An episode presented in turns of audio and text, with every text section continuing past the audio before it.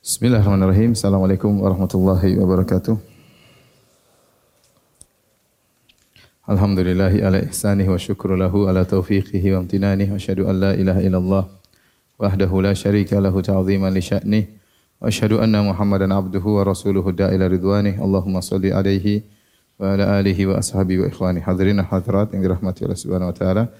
Kita lanjutkan bab berikutnya dari kitab Tauhid bab 47 bab man hazala bi syai'in fihi dzikrullah awil Qur'an awil Rasul.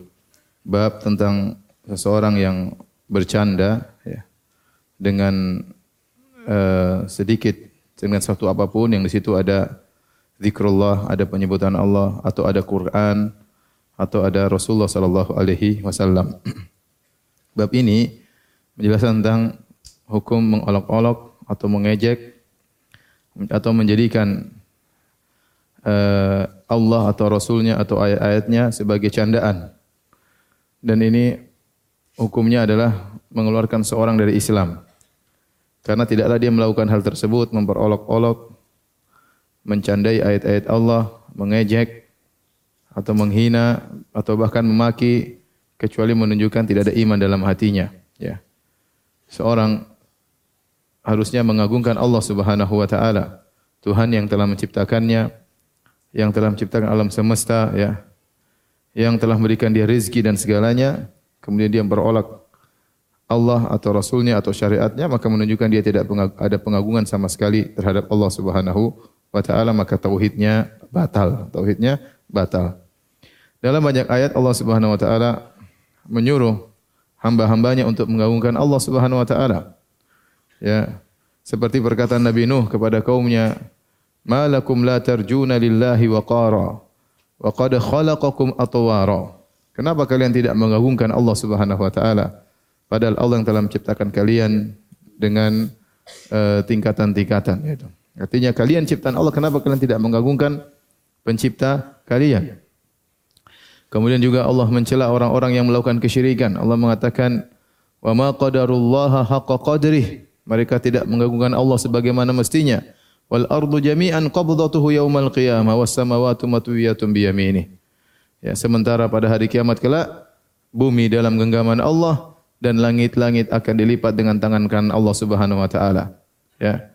Maka kita telah belajar selama ini tentang tauhid, bagaimana seorang harus mengagungkan Allah Subhanahu wa taala. Bahkan Nabi SAW melarang seorang berkata, "Masya Allah wa syi'ta." Atas kehendak Allah dan kehendakmu, ya. Wahai Muhammad, dalam berlafal saja seorang harus berhati-hati. Jangan sampai dia mengandengkan Allah dengan makhluk. Sampai Nabi marah, Nabi berkata, Ataja'al aja'altani lillahi niddan, apakah kau menjadikan aku sebagai tandingan-tandingan bagi Allah Subhanahu wa taala? Maka kalau ada seorang kemudian menghina Allah, merendahkan Allah, merendahkan syariatnya, merendahkan ayat-ayatnya, maka jelas dia tidak beriman kepada Allah. Maka kalaupun dia telah beriman sebelumnya, maka tauhidnya batal, maka dia murtad keluar daripada Islam.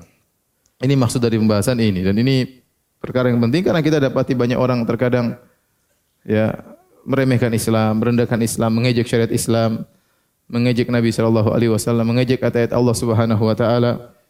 Terkadang juga sebagian orang menjadikan ayat-ayat sebagai permainan, sebagai candaan ya, sebagai candaan. Maka ini harus dijauhi ya. Kita harus mengagungkan Allah, mengagungkan Rasulnya, mengagungkan syariatnya, mengagungkan ayat-ayatnya. Tidak boleh dijadikan bahan candaan. Uh, adapun mengejek syariat Allah atau mengejek kaum mukminin ini merupakan merupakan kebiasaan orang-orang musyrikin.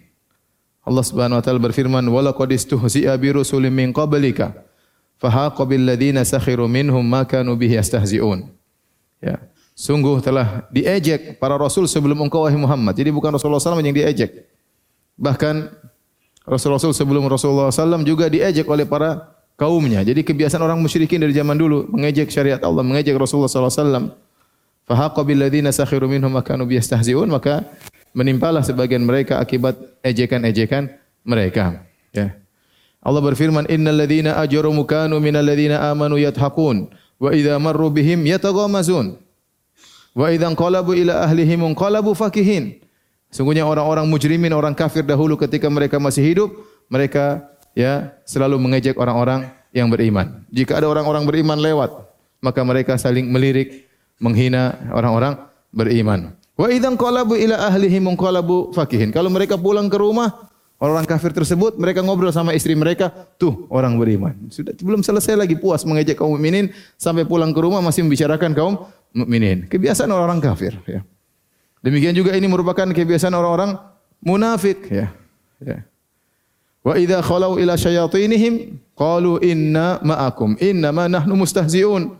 Kalau orang munafik mereka ketemu dengan setan-setan mereka, teman-teman mereka mereka berkata, sungguhnya kami bersama kalian. Innama nahnu mustahziun. Kami hanya ngejek orang-orang beriman. Mereka menyangka kita beriman, kami hanya ngejek mereka, ya. Demikianlah kebiasaan orang kafir, orang munafik karena mereka tidak punya iman kepada Allah Subhanahu wa taala. Jadi mereka mau mengejek terserah terserah mereka ya.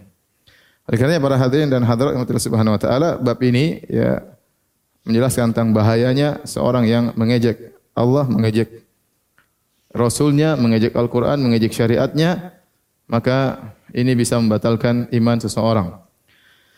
Kemudian Al-Muallif penulis Syekh Muhammad bin Abdul Wahab rahimahullahu taala ya membawakan firman Allah Subhanahu wa taala wala in sa'altahum la yaqulunna innama kunna nakhudhu wa nal'ab dan jika engkau bertanya kepada mereka orang-orang yang mengejek la yaqulunna maka mereka sungguh-sungguh akan berkata innama kunna nakhudhu wa nal'ab kami tadi hanya bermain-main senda gurau dan hanya uh, bermain-main mengolok-olok Kul abillahi wa ayatihi wa rasulihi kuntum tastahzi'un. Katakanlah, apakah kalian mengejek Allah dan ayat-ayatnya dan Rasulnya?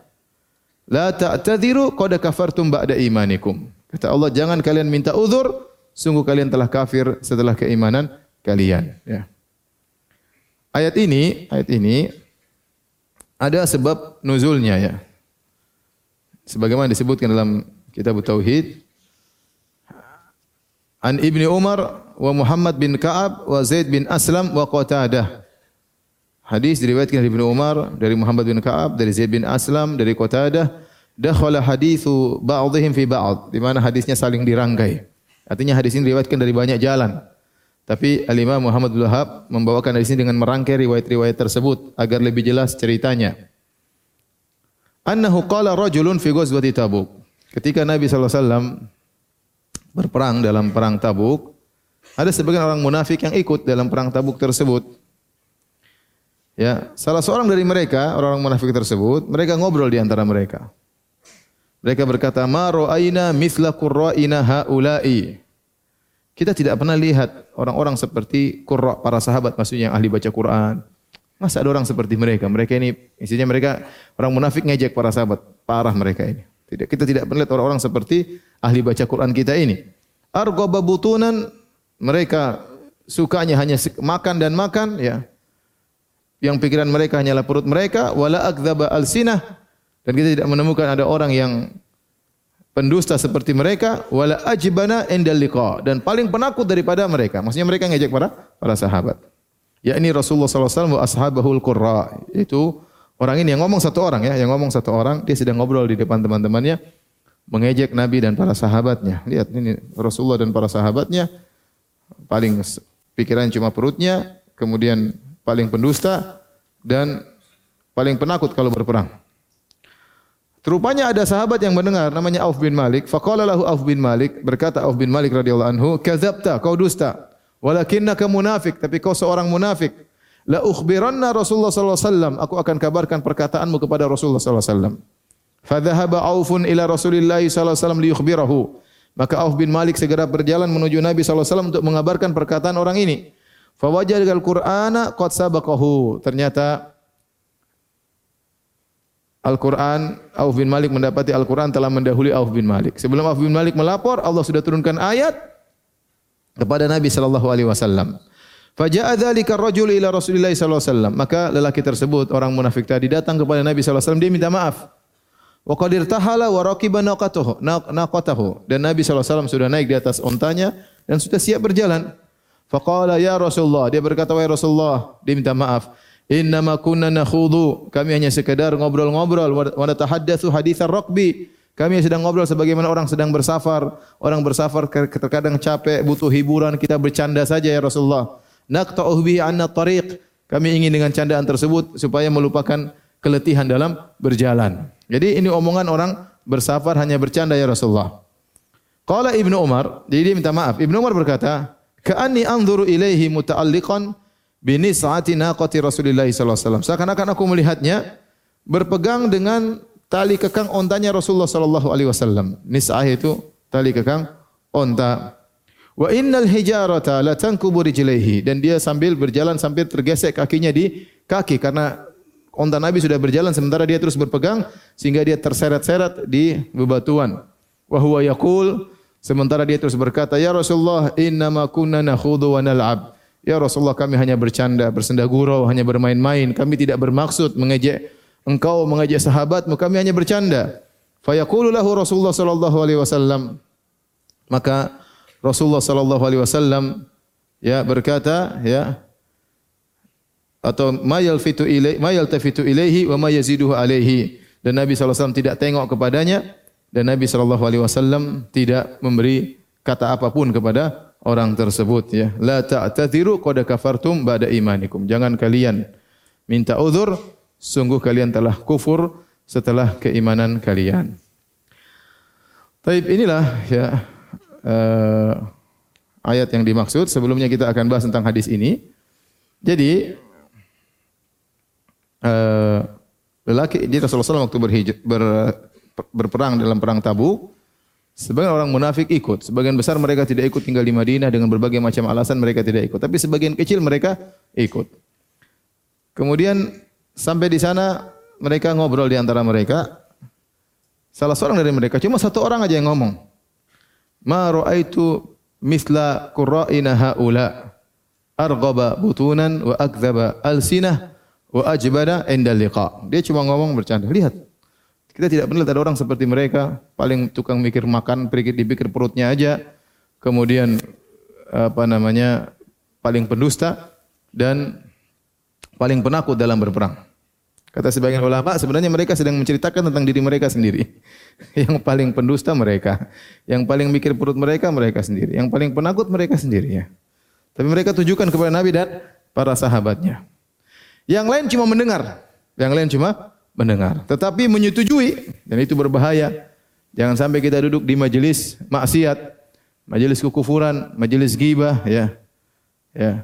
Laqad nazzala alaikum fil kitabi. Eh Allah sebutkan dalam Al-Qur'an bahwasanya telah turun dalam Al-Qur'an an idza sami'tum ya kalau kalian mendengar ada ayat-ayat Allah Subhanahu wa taala yukfaru biha atau wa yustahzahu biha ya fala taqudu ma'ahum hatta yakhudu fi haditsin ghairi ya kalau kalian mendengar ada ayat Allah dikufurkan atau dicandain ya maka janganlah kalian duduk bersama mereka Ya, sampai mereka berbicara tentang pembahasan yang lain. Innakum idzam misluhum kata Nabi kata Allah Subhanahu wa taala, karena kalau kalian tidak berpindah, kalian tetap bersama mereka, maka kalian hukumnya sama seperti mereka.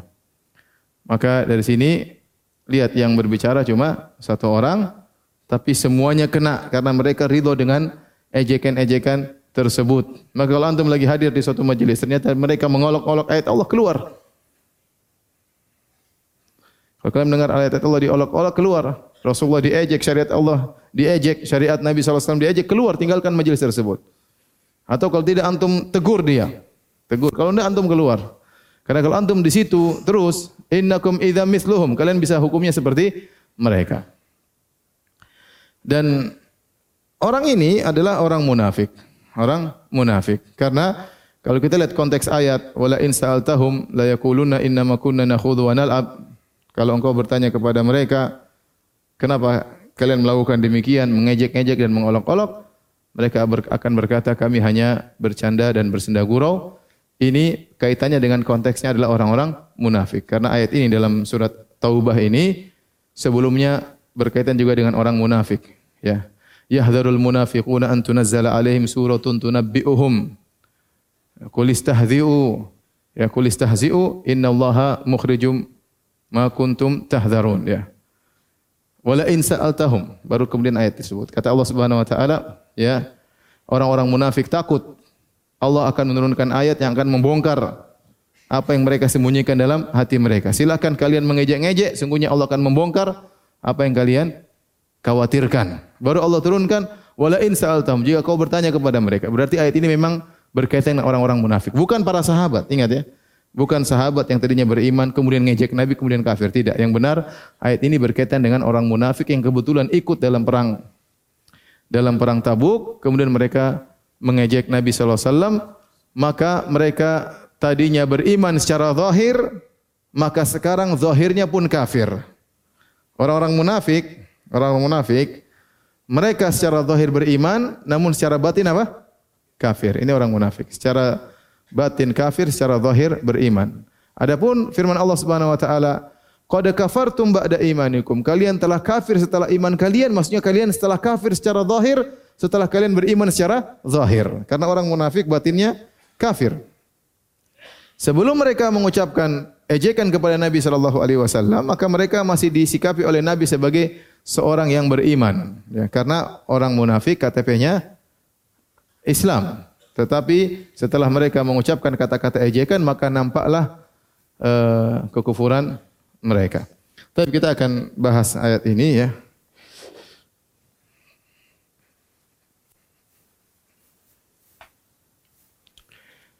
Kata Allah Subhanahu wa taala,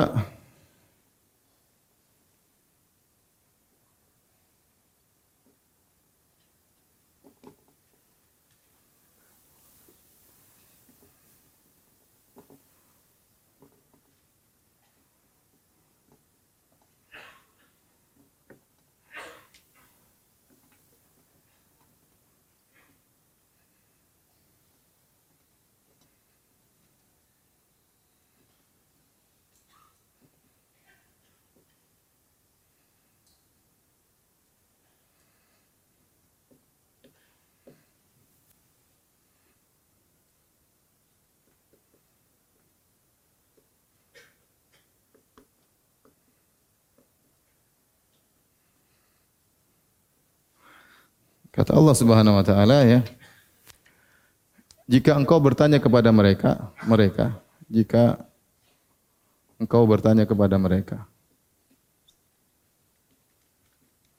Bertanya kepada mereka. Mereka di sini ya ada khilaf, ada yang mengatakan mereka orang beriman kemudian kufur, tapi yang benar mereka yang benar mereka adalah orang munafik. Orang-orang apa? Munafik. La yaquluna innama kunna nakhudhu wa nal'ab. Kalau mereka ditanya, kalau kau bertanya kepada mereka, kenapa kalian mengejek-ngejek? Sungguh-sungguh mereka akan berkata, kami ini hanyalah bermain dan bersenda gurau, ya. Bercanda dan bersenda gurau. Kata mereka tadi, ini kan kita lagi sedang safar. Jadi untuk menghilangkan kepenatan, untuk menghilangkan kebosanan supaya perjalanan tidak terasa, maka kita ngobrol ya Rasulullah. Kita tidak bermaksud ya. Dan Allah Subhanahu wa taala tidak membantah mereka di sini. Allah tidak mengatakan kalian serius, kalian bohong, tidak. Allah tidak tidak membantah pernyataan mereka bahwasanya mereka sedang bersenda gurau. Sehingga para ulama mengambil jadi dalam ayat ini Allah tidak membantah mereka. Mereka dari pengakuan mereka bersenda gurau.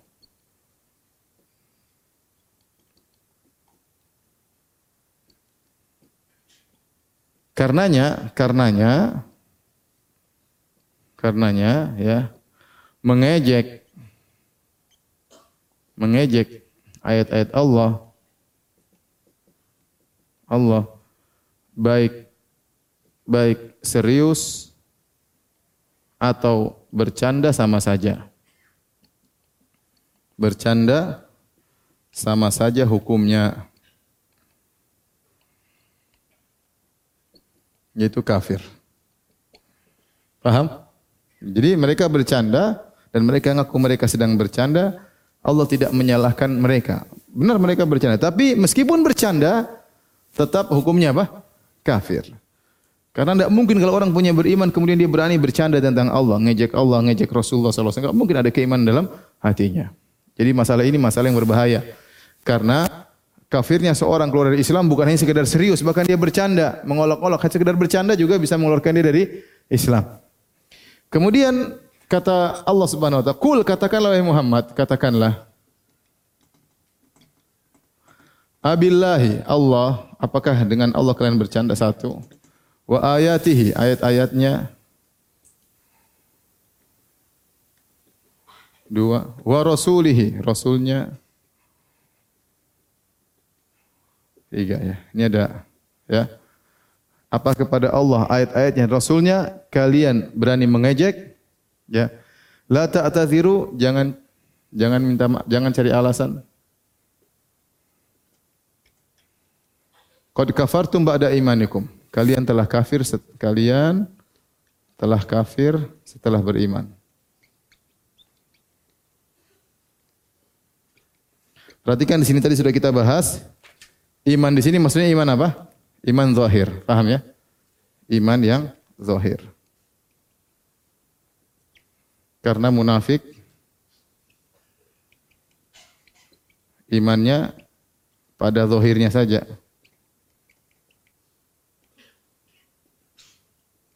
Ya, sehingga waktu imannya zahir secara zahirnya dia beriman, Nabi bermuamalah dengan mereka secara zahir seperti bermuamalah dengan orang beriman. Tetapi setelah mereka mengungkapkan hal tersebut, maka zahir mereka menjadi kufur. Jadi arti kalian telah kafir, kalian telah kafir, kalian telah kafir, maksudnya adalah ya kalian sekarang zahirnya juga kafir. juga kafir setelah sebelumnya zahir kalian iman. Adalah iman. Paham ya? Karena jangan sampai antum terbayang, oh ini orang-orang para sahabat sampai jadi murtad gara-gara ngejek Nabi. Ini bukan para sahabat, ini adalah orang-orang apa? Munafik. Paham ya? Taib. Teks yang datang dalam ayat ini kata Allah, "Kul abillahi wa ayati wa rasuli." Apakah kalian kepada Allah dan ayatnya Rasulnya kalian mengejek? Jadi barang siapa yang mengejek Allah, maka dia kafir. Mengejek, bercanda meskipun bercanda, apalagi memaki. Ada orang maki Tuhan, ada kafir jelas. Atau mengejek ayat-ayat Allah, mengejek ayat-ayat Allah, maka Al-Qur'an diejek, hadis ayat-ayat diejek atau rasulnya diejek Rasulullah sallallahu alaihi wasallam, Rasulullah enggak paham, Rasulullah begini, ucapan-ucapan mengejek ya. Maka dia langsung keluar dari Islam ya. Ya, keluar dari Islam. Kalau kata Allah Subhanahu wa taala, ya ayyuhalladzina amanu ya, la tarfu aswatakum fawqa sautin nabi wa la tajharu lahu bil qawli ka jahri ba'dikum li ba'din an tahbata a'malukum antum la tash'urun. Kata Allah orang beriman, jangan kalian angkat suara kalian di atas suara Nabi, jangan kalian keraskan suara kalian di atas suara Nabi Ya, bisa jadi amalan kalian gugur selama padahal kalian tidak sadar. Amal kalian gugur gara-gara ngangkat suara di atas suara Nabi. Bagaimana lagi dengan mengejek? Bagaimana lagi dengan memaki Rasulullah sallallahu alaihi wasallam? Maka jelas keluar dari Islam. Karena tidak mungkin dia maki Nabi kecuali dia tidak ada imannya. Kalau ada imannya dia nggak mungkin. Ini Rasulullah utusan Tuhan, bagaimana mau diejek? Nah, bagaimana kalau selain yang diejek selain Allah, selain ayatnya, selain Rasulnya? Bagaimana kalau diejek selain Allah, selain ayatnya, selain apa? Rasulnya. Seperti misalnya ngejek ulama misalnya atau ngejek hukum tertentu, ngejek pernyataan seorang fuko, seorang fakih ya. Intinya kata para ulama, kalau ejekan tersebut terasa kembali kepada Allah, kembali kepada ayatnya, kembali kepada Rasulnya, maka dia kafir. Tapi kalau dia mengejek misalnya seorang ulama bukan dari sisi agamanya, tapi dari sisi misalnya ulama ini ternyata uh, salah ngomong, kemudian diejek, bukan syariat yang diejek, paham? Maka itu tidak kafir tentunya. Berarti yang diejek adalah personnya, bukan syariatnya. Intinya kalau ejekan tersebut kembali kepada syariatnya, bukan kepada personnya, ini yang berbahaya. Misalnya seorang pakai jilbab, yang diejek jilbabnya, oh ini bahaya. Kalau diejek orangnya, pakai jilbab, nggak ngawur jilbabnya, tidak bersih misalnya, bau misalnya, ini orang yang diejek. Tapi kalau yang diajak jilbabnya, apa pakai jilbab? Ngapain jilbab besar-besar? Ah, dia aja apa jilbab? Enggak usah pakai enggak usah pakai jilbab. Nah, ini repot seperti ini. Berarti yang diajak adalah syariat apa? Allah Subhanahu wa taala. Ya. Misalnya dia ngejek tentang jenggot. Dia tahu jenggot Rasulullah SAW berjenggot, kemudian dia ngejek seorang, mungkin dia ngejek apa jenggotnya enggak rapi, ngawur. Tapi kalau dia ngejek apa jenggot? Apa itu? Dia ini syariat jenggot, dia celah ini bahaya ya. Sementara dia tahu Rasulullah SAW apa? berjenggot. Sementara dia tahu Nabi Musa berjenggot. Sementara dia tahu Nabi Harun berjenggot. Sementara Nabi Isa berjenggot ya. Bahkan gambar Yesus pun berjenggot. Kemudian dia ejek.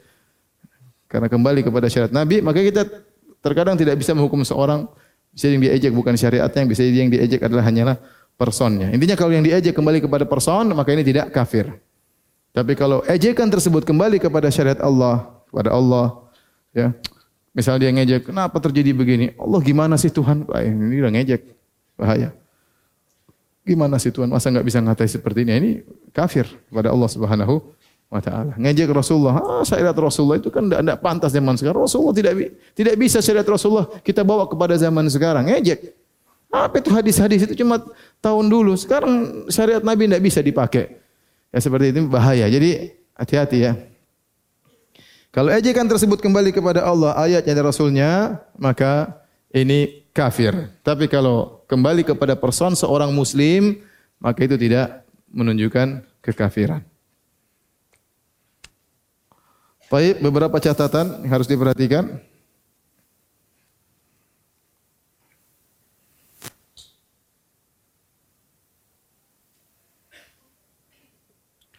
Pertama, ya, mengenai sesuatu perbuatan atau perkataan merupakan ejekan atau bukan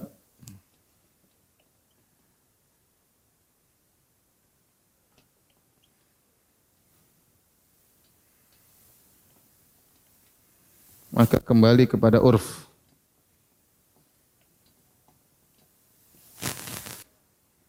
urus masyarakat, yaitu penilaian masyarakat secara umum. Contoh, ya, ada hal-hal yang mungkin menurut sebagian masyarakat itu ejekan, sebagian orang lain bukan ejekan. Contoh misalnya, misalnya Al-Quran.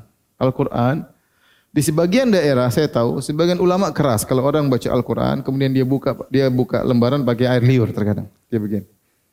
Jadi anggap ini menghina Quran, masa kotoran taruh di Quran.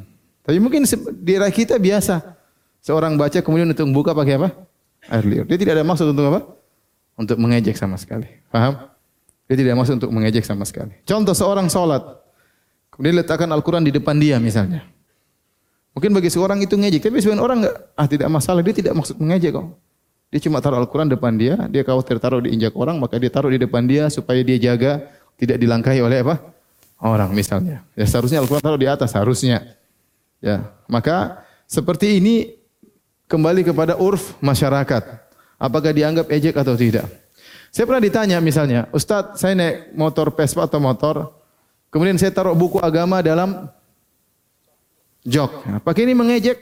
Saya bilang, kalau menurut saya tidak, itu bukan mengejek ya. Menurut antum gimana? Mengejek atau tidak? Kecuali kalau antum Qur'annya langsung di pantat antum ya itu baru ngejek. Tapi kita taruh di tempat yang baik, kita tutup kebetulan kita duduk di atas joknya sementara buku agamanya di di dalam. Saya rasa itu mengejek atau bukan? Saya rasa tidak. Menurut saya itu bukan mengejek. Ya.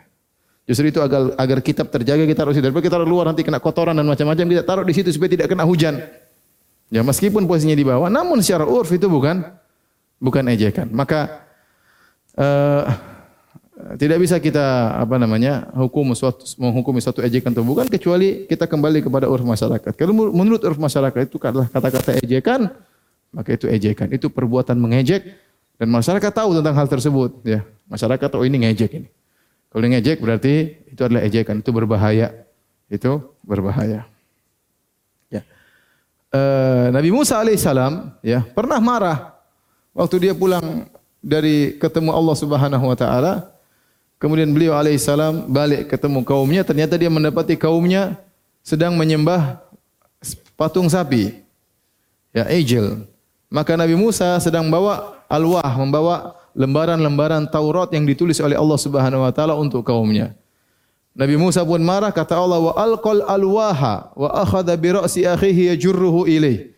Nabi Musa pun marah dia lempar itu lembaran-lembaran Taurat, dia buang kemudian dia tarik kepala kakaknya Harun. Kenapa sampai terjadi demikian? Tapi dia waktu buang itu dia tidak bermaksud menghina apa? Taurat. Contoh, ini seorang salah berbuat, ya dia tidak bermaksud untuk menghina apa? Taurat. Ini pernah juga terjadi pada Syekh Islam Taimiyah waktu dia berdebat kemudian dia memegang buku isinya ada ayat-ayat tapi isinya bid'ah-bid'ah, maka Ibnu Taimiyah pun melempar buku tersebut. Kemudian mereka tegur, "Kenapa Anda melempar situ ada ayat?" Ya, eh, karena macam-macam kata Ibnu Taimiyah, Nabi Musa juga pernah melempar apa? melempar alwah ya. Tapi intinya ini semakin menguatkan bahwasanya sikap seorang mengejek atau tidak itu bisa dilihat ya, bisa dilihat ya. Ini ini mengejek, oh, ini tidak ya. Ya ini jadi untuk menghukum mengejek atau tidak dinilai dengan dengan urf. Perkara yang kedua ya. Hukum orang yang mengejek mengejek atau menghina, ya. memperolok ya. syariat. Apakah bisa bertobat?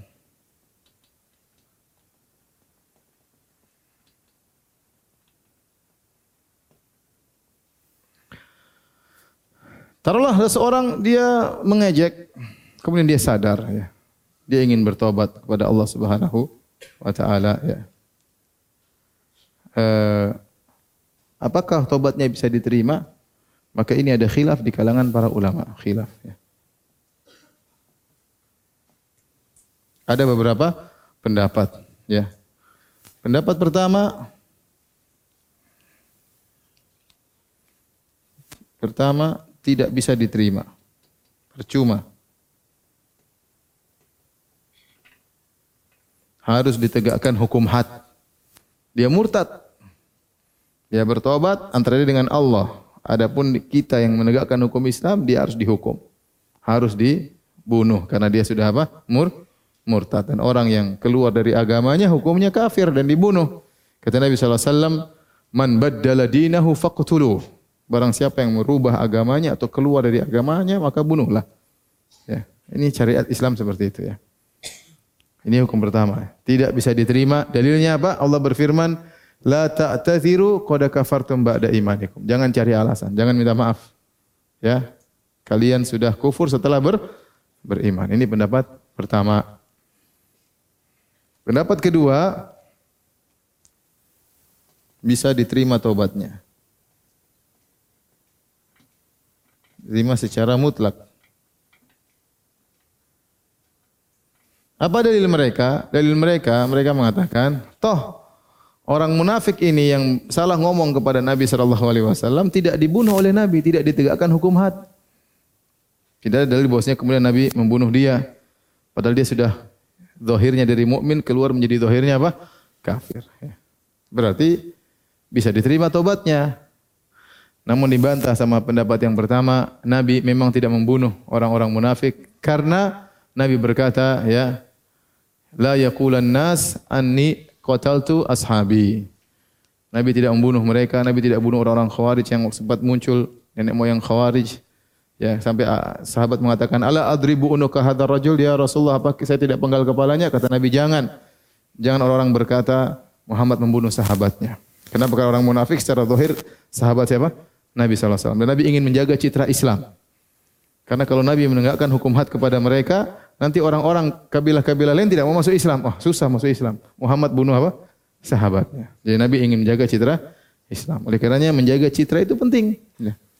Menjaga citra Islam itu penting. Ya. Tidak seperti orang-orang ISIS yang kemudian membunuh orang lain, kemudian dia videokan, bahkan dia bangga dengan membunuh orang-orang Islam. Ya. Sambil bertakbir Allahu Akbar, yang dibunuh juga bertakbir Allahu Akbar. Ya. Ini kan jelek di hadapan mata dunia ya. Sampai ada saya punya teman cerita ada keluarganya tidak jadi masuk Islam gara-gara lihat video-video apa? ISIS. Benar-benar menghancurkan citra Islam. Seakan-akan Islam adalah agama yang biadab dan yang lainnya ya. Tidak mengenal kasih sayang dan yang lainnya. Jadi dibantah oleh pendapat pertama kata mereka Nabi tidak membunuh itu karena kondisi itu seperti itu. Adapun kalau kondisi zaman sekarang di negara Islam maka di dibunuh. Paham? Baik. Pendapat yang kedua bantah lagi bahwasanya orang munafik yang ngejek Nabi wasallam ini ya. Saya lupa namanya tapi kalau nggak salah namanya Ibnu Muhayyir ya, Ibnu Muhayyir atau Ibnu Muhayyir ya. Dia akhirnya bertobat. Kemudian dia minta namanya diganti dengan nama Abdurrahman.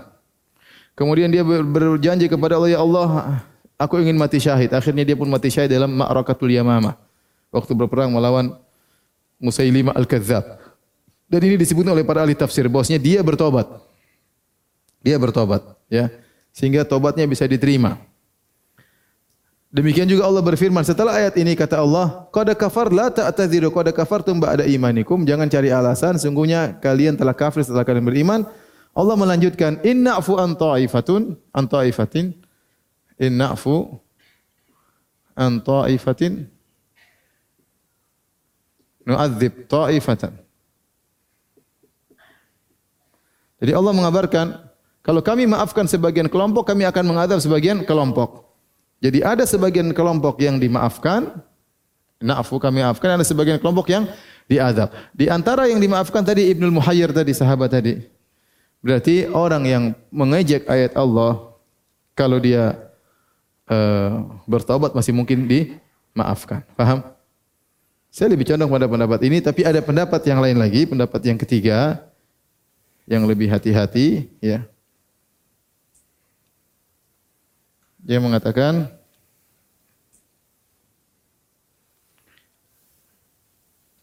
dimaafkan kalau indikasi menunjukkan dia serius.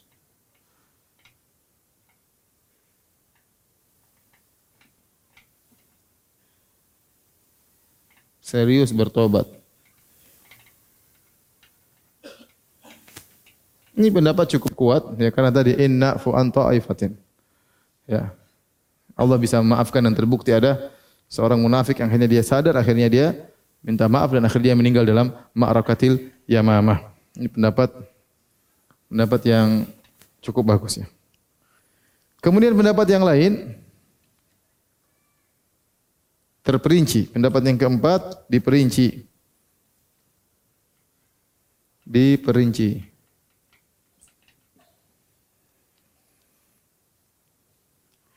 Jika yang diejek Allah dan Allah maka diterima taubatnya.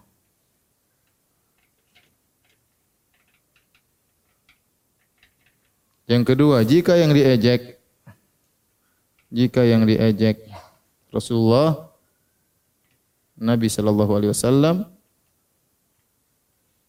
maka tidak diterima.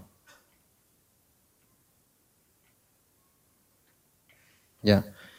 Dalil mereka kalau seorang mengejek Allah, mengajak syariat Allah, maka dia minta maaf, Allah ampuni karena Allah Maha Pengampun ya. Tetapi kalau yang diajak Rasulullah, maka ini berkaitan dengan hak Nabi Wasallam. Kalau Nabi masih hidup, kita bisa tanya, ya Rasulullah, anda maafkan nggak orang ini? Tapi Nabi SAW sudah meninggal, maka pengikutnya tidak maafkan. Pengikutnya tidak maafkan.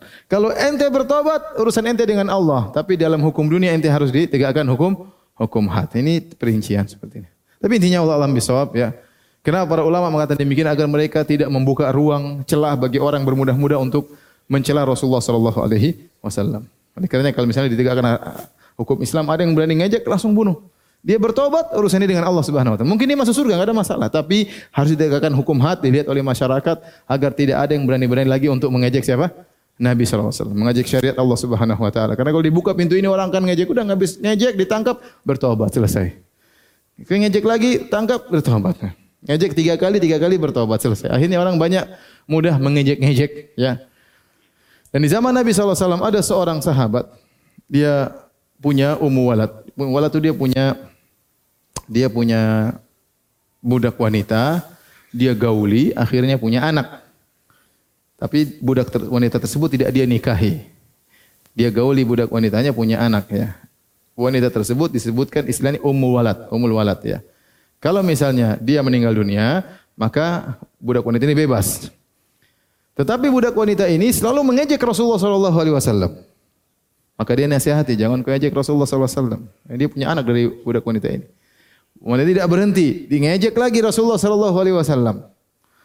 Dan dia nasihati tidak berhenti. Akhirnya laki-laki ini jengkel satu hari, di malam hari maka dia mengambil semacam mi'wali semacam semacam pisau atau pedang kemudian dia tekankan di perut budak wanita tersebut kemudian dia pun bunuh budak wanita tersebut.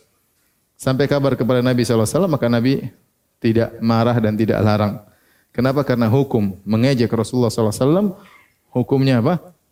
Murtad keluar dari Islam ya. Wallahu alam bisawab. Inilah uh, yang berkaitan dengan bab ini.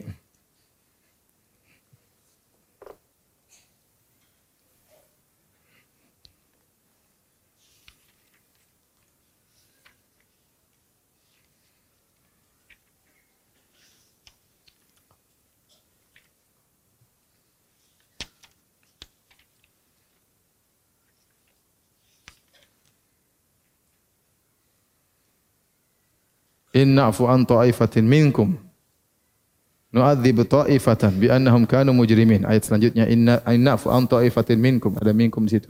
Inna'fu an ta'ifatin minkum. Kalau kami maafkan sebagian dari kalian, kami akan mengadab yang lain karena dia berbuat mujrimin. Dijadikan dalil bahwasanya orang yang uh, mengejek terus bertobat bisa diterima tobatnya oleh Allah Subhanahu wa taala. Para hadirin hadirat Allah Subhanahu wa taala, dari sini kita tahu bahwasanya seorang berhati-hati dalam berkata, dalam berucap, terutama di zaman sekarang, di zaman medsos, di zaman informasi, di zaman uh, komunikasi yang begitu mudah, ya.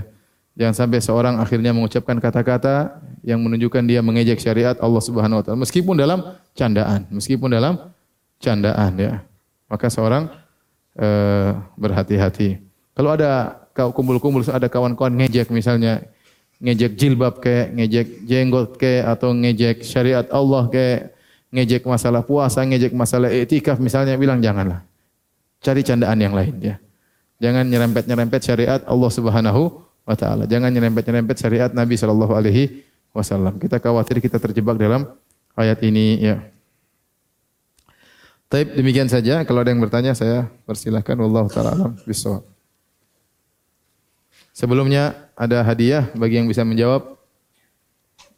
Mendapat hadiah ya, tafsir juz 29 ya. Tapi pertanyaan pertama ya.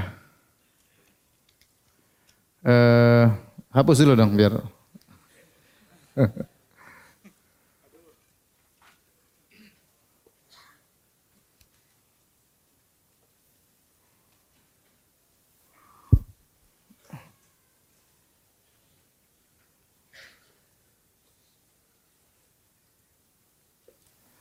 Baik. Siapa yang bisa jawab ya? Uh, apa hukumnya mengejek ulama? Yang di sana, kacamata dulu. Kasih, kasih mic.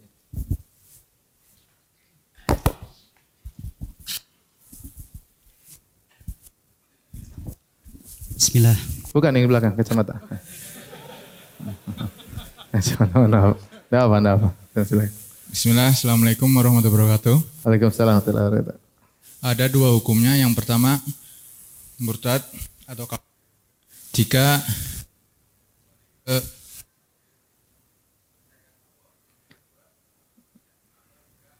kembali ke personal. Jika kembali kepada syariat Allah masuk mengejek ulama tersebut telah kembali kepada syariat Allah maka murtad yang kedua, kalau kembali kepada persoalan tidak mengapa. Bukan tidak mengapa, tidak boleh juga. Ini, silakan. Fadal. Sini ya. Sini sini.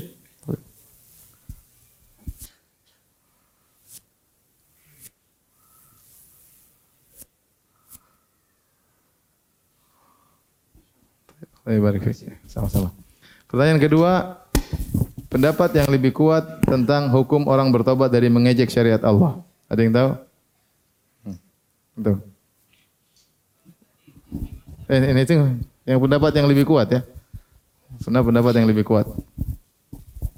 Uh, pendapat yang lebih kuat kalau yang disampaikan Ustaz Syarada yang anda tangkap dimaafkan kalau terlihat jika dia serius dalam bertaubat. Masya Allah, silakan. Antum siapa namanya? Septian. Siapa? Septian. Septian. Jomblo atau duda? Hah? Masih. Masih jomblo, Masya Allah. Allah ibarik. Pertanyaan ketiga. Siapa nama sahabat yang melapor kepada Nabi sallallahu alaihi? Antum? Ya udah, siapa namanya?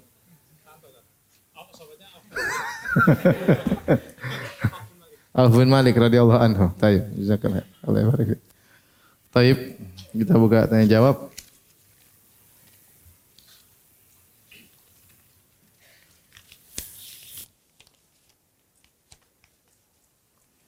Apakah seorang mengejek syariat Islam karena kebodohan tidak tahu hukumnya? Apakah masih ada uzur buat orang tersebut? Ya Allah alam ya kalau dia tidak tahu itu syariat Allah itu lain cerita.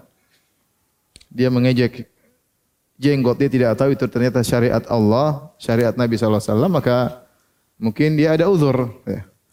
Jadi masalah kalau dia tahu itu sunnah Nabi, terus dia tetap sengaja mengejek ya. Sama aja mengejek. Maka ini jadi masalah ya. Tapi kalau dia tidak tahu, mudah-mudahan dia dapat uzur karena dia tidak itu syariat Islam misalnya.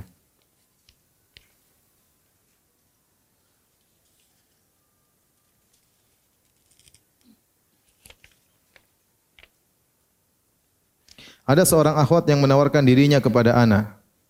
Ia terpaksa menawarkan dirinya tanpa perantara karena ia merasa tidak memiliki teman yang amanah. Dan ia pun tinggal di lingkungan yang masih awam. Pertanyaan, bolehkah bertaaruf dengannya tanpa perantara? Wah ini repot ya. Kalau bertaaruf ya, kalau enggak, kalau antum takut daripada begini, mending antum sama adik perempuan antum ya. Jadi bertemu dengan dia, disertai dengan adik perempuan antum. Paham? Sehingga tidak bebas. Karena kalau antum berdua saja bahaya. Bisa bebas dan leluasa.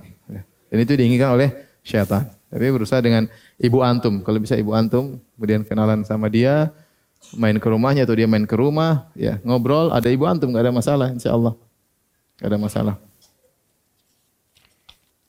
Maksud saya seorang berusaha eh, apa namanya menjajaki proses pernikahan dia dengan syar dengan syar'i agar berkah ya. Jangan sejak awal dimulai dengan sesuatu yang tidak syar'i, khawatirnya tidak tidak berkah di kemudian hari.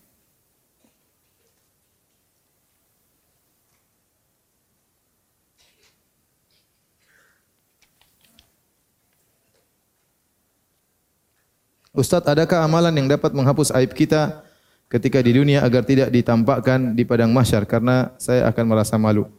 Ya, di antaranya menutup aib orang-orang, menutup aib orang-orang lain, ya. Man satara an muslimin satarahullahu yaumal qiyamah. Barang siapa yang menutup aib seorang muslim, Allah akan menutup aibnya pada hari kiamat kelak. Kemudian kita banyak berdoa kepada Allah Subhanahu wa taala ya. Ya, Allah mastur aurati, ya Allah tutuplah auratku di dunia maupun di akhirat. Kemudian Rabbi ghufirli, ya Allah ampunilah aku sambil kita menghayati bahwasanya maghfirah adalah ampunan dosa disertai dengan menutup aib kita. Taib silakan azan. Ustaz, bagaimana dengan kiai atau ustaz ustaz yang ceramahnya terkesan mengejek atau bersenda gurau dengan ayat-ayat Allah atau kisah para nabi? Tapi masyarakat menganggap hal biasa sebagai bumbu-bumbu dalam ceramah. Bagaimana hal tersebut? Intinya kita enggak boleh uh, menjadikan ayat-ayat Allah, syariat Allah, malaikat-malaikat sebagai candaan, para nabi sebagai apa? Candaan. Kita jauhi itu semua. Mereka adalah makhluk-makhluk Allah yang hebat yang harus kita hormati ya. Seperti candaan misalnya nanti di neraka ada malaikat ini, kemudian bingung malaikatnya bingung misalnya ini kata-kata yang ya. Seperti ada bangun jembatan, jembatannya enggak jadi-jadi, malaikatnya bingung, saya lupa ada candaan-candaan seperti jangan hindarilah. Itu bahaya. Jadi kita ikut tertawa dengan candaan seperti seperti itu. Enggak boleh karena itu Anda main-main dengan malaikat. Terusnya kalau disebut malaikat neraka, kita ketakutan mendengar malaikat tentang apa? Neraka. Bukan jadikan bahan candaan ya. Waliyadzubillah hanya sekedar ingin disenangi orang kemudian kita jadikan malaikat penjaga neraka sebagai bahan candaan ya. Sebenarnya juga dulu pernah ada seorang menyampaikan hadis tentang jika seorang laki mengajak istrinya di untuk digauli kemudian istrinya tidak mau ya. Fabata ghadban anat hal malaikatu hatta tusbih. Maka kemudian lelaki tersebut suaminya marah maka malaikat pun melaknat wanita tersebut sampai pagi hari. Kemudian ada yang komentar ya, ngapain malaikat ikut urusan rumah tangga? Eh, subhanallah.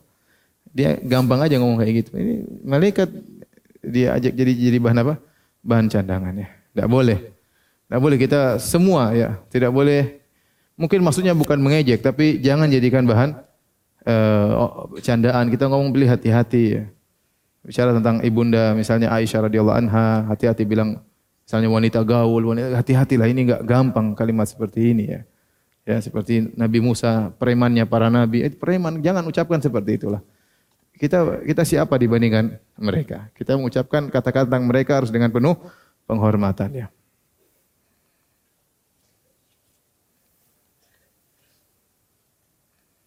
Ustaz tolong jelaskan tata cara akikah apakah dibagikan mentah seperti kurban atau dimasak? Bebas ya akikah bebas yang penting antum hari ketujuh antum sembelih kambing buat anak antum. Kalau laki-laki dua kambing, kalau perempuan satu ekor kambing. Ustaz saya punya uang cuma satu ekor kambing, apa sembelih satu dulu. Nanti satu lain belakangan nggak ada masalah ya. Adapun mau makan sendiri boleh, dibagi juga boleh ya. Ternyata antum orang miskin ya udah simpan aja buat antum. Kasih sedikit tetangga, sebagian besar buat antum nggak ada masalah. Intinya adalah ibadah menyembelihnya. Adapun kalau antum sedekahkan itu ibadah yang kedua, ibadah yang kedua ya. Kalau antum simpan makan sendiri juga nggak ada masalah ya. Oleh karenanya mau dibagi mentah boleh, dimasak dulu panggil orang makan boleh, bikin walimah akikah nggak ada masalah ya.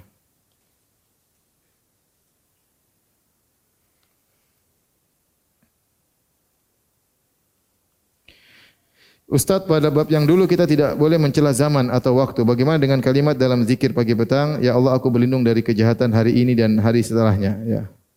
Apa min syarri ma fi hadzal yaum. Maksudnya bukan kejahatan hari tapi kejahatan yang terjadi pada hari hari ini ya. Jadi selama kalau yang tidak kita cela bukanlah hari tersebut secara langsung tapi hari tersebutnya sebagai sebagai tempat terjadinya maka tidak disebut mencela hari ya. Misalnya fi yaumin nahisatin kata Allah bagaimana kaum Ad disiksa di hari yang sial bagi mereka, bukan hari yang sial tapi hari tersebut kesialan menimpa siapa? Menimpa kaum Ad. Ya. Jadi kalau kita misalnya mengatakan zaman penuh fitnah, ya. Jangan kita bilang e, zaman kita mencela zaman yang enggak boleh, tapi kalau kita jadikan zaman tersebut sebagai tempat terjadinya fitnah maka enggak masalah karena kita bercerita di zaman ini memang penuh apa? Penuh fitnah ya. Zaman ini memang penuh fitnah. Saya mau bertanya, lebih baik mana bersedekah kepada orang tua yang sudah mampu dalam segi keuangan atau bersedekah kepada orang lain yang fakir? Orang tua kalau mampu kasih hadiah ya, kasih apa? Hadiah ya. Orang tua jangan nunggu orang tua minta. Saya pernah baca sebuah tulisan seorang lelaki yang dia menyesal. Dia sudah tua. Baru dia sadar ternyata semasa muda dia salah. Kenapa sering dia bertanya kepada ayahnya, ayah butuh ini enggak? Ayahnya bilang enggak. Sering tanya kepada ibunya, ibu butuh ini enggak? Ibu bilang enggak.